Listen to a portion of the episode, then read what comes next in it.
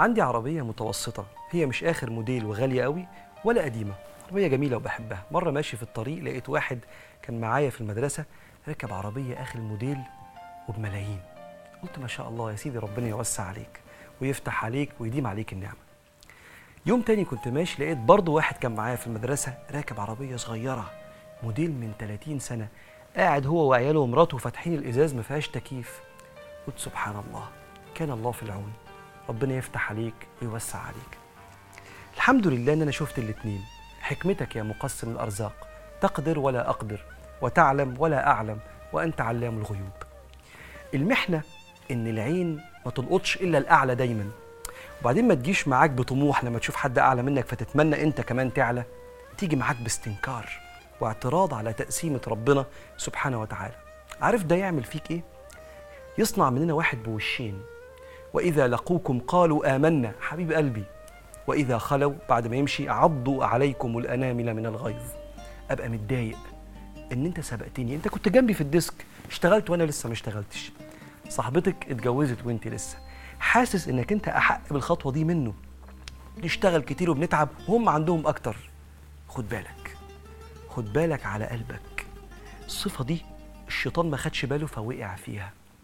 قال صلى الله عليه وسلم ما رؤي الشيطان يوما فيه أصغر ولا أدحر ولا أحقر ولا أغيظ منه في يوم عرفة وما ذاك إلا لما يرى من تنزل الرحمات وتجاوز الله عن الذنوب العظام.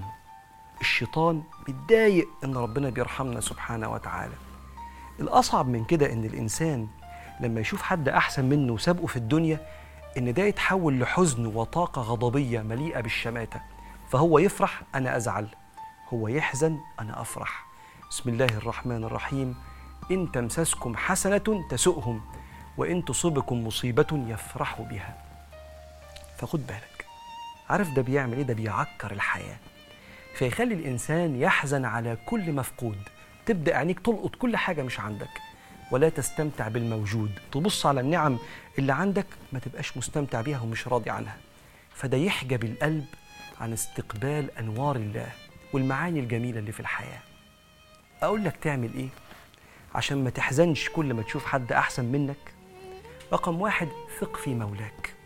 ربنا في القرآن بيقول عشان يسكن كل إنسان ما عندوش حاجة.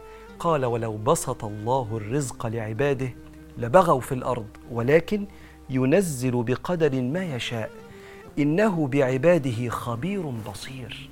فهو خبير بالانفع ليك بصير بالأنسب ليك فبينزل عليك من الأرزاق الحاجة اللي ما تضيعكش في الدنيا أو الآخرة.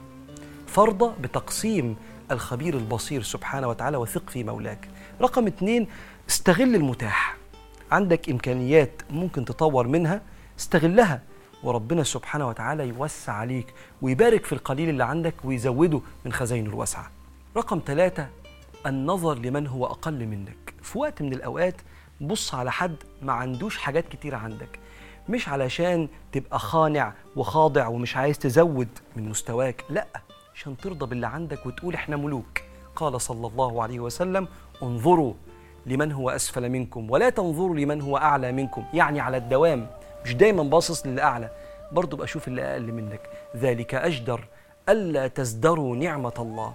عشان لما تبص على النعمة اللي في إيديك تقول الحمد لله أحسن من غيرنا بكتير. فاللهم يا ربنا بارك لنا فيما أعطيت وردنا يا حكيم بما قضيت.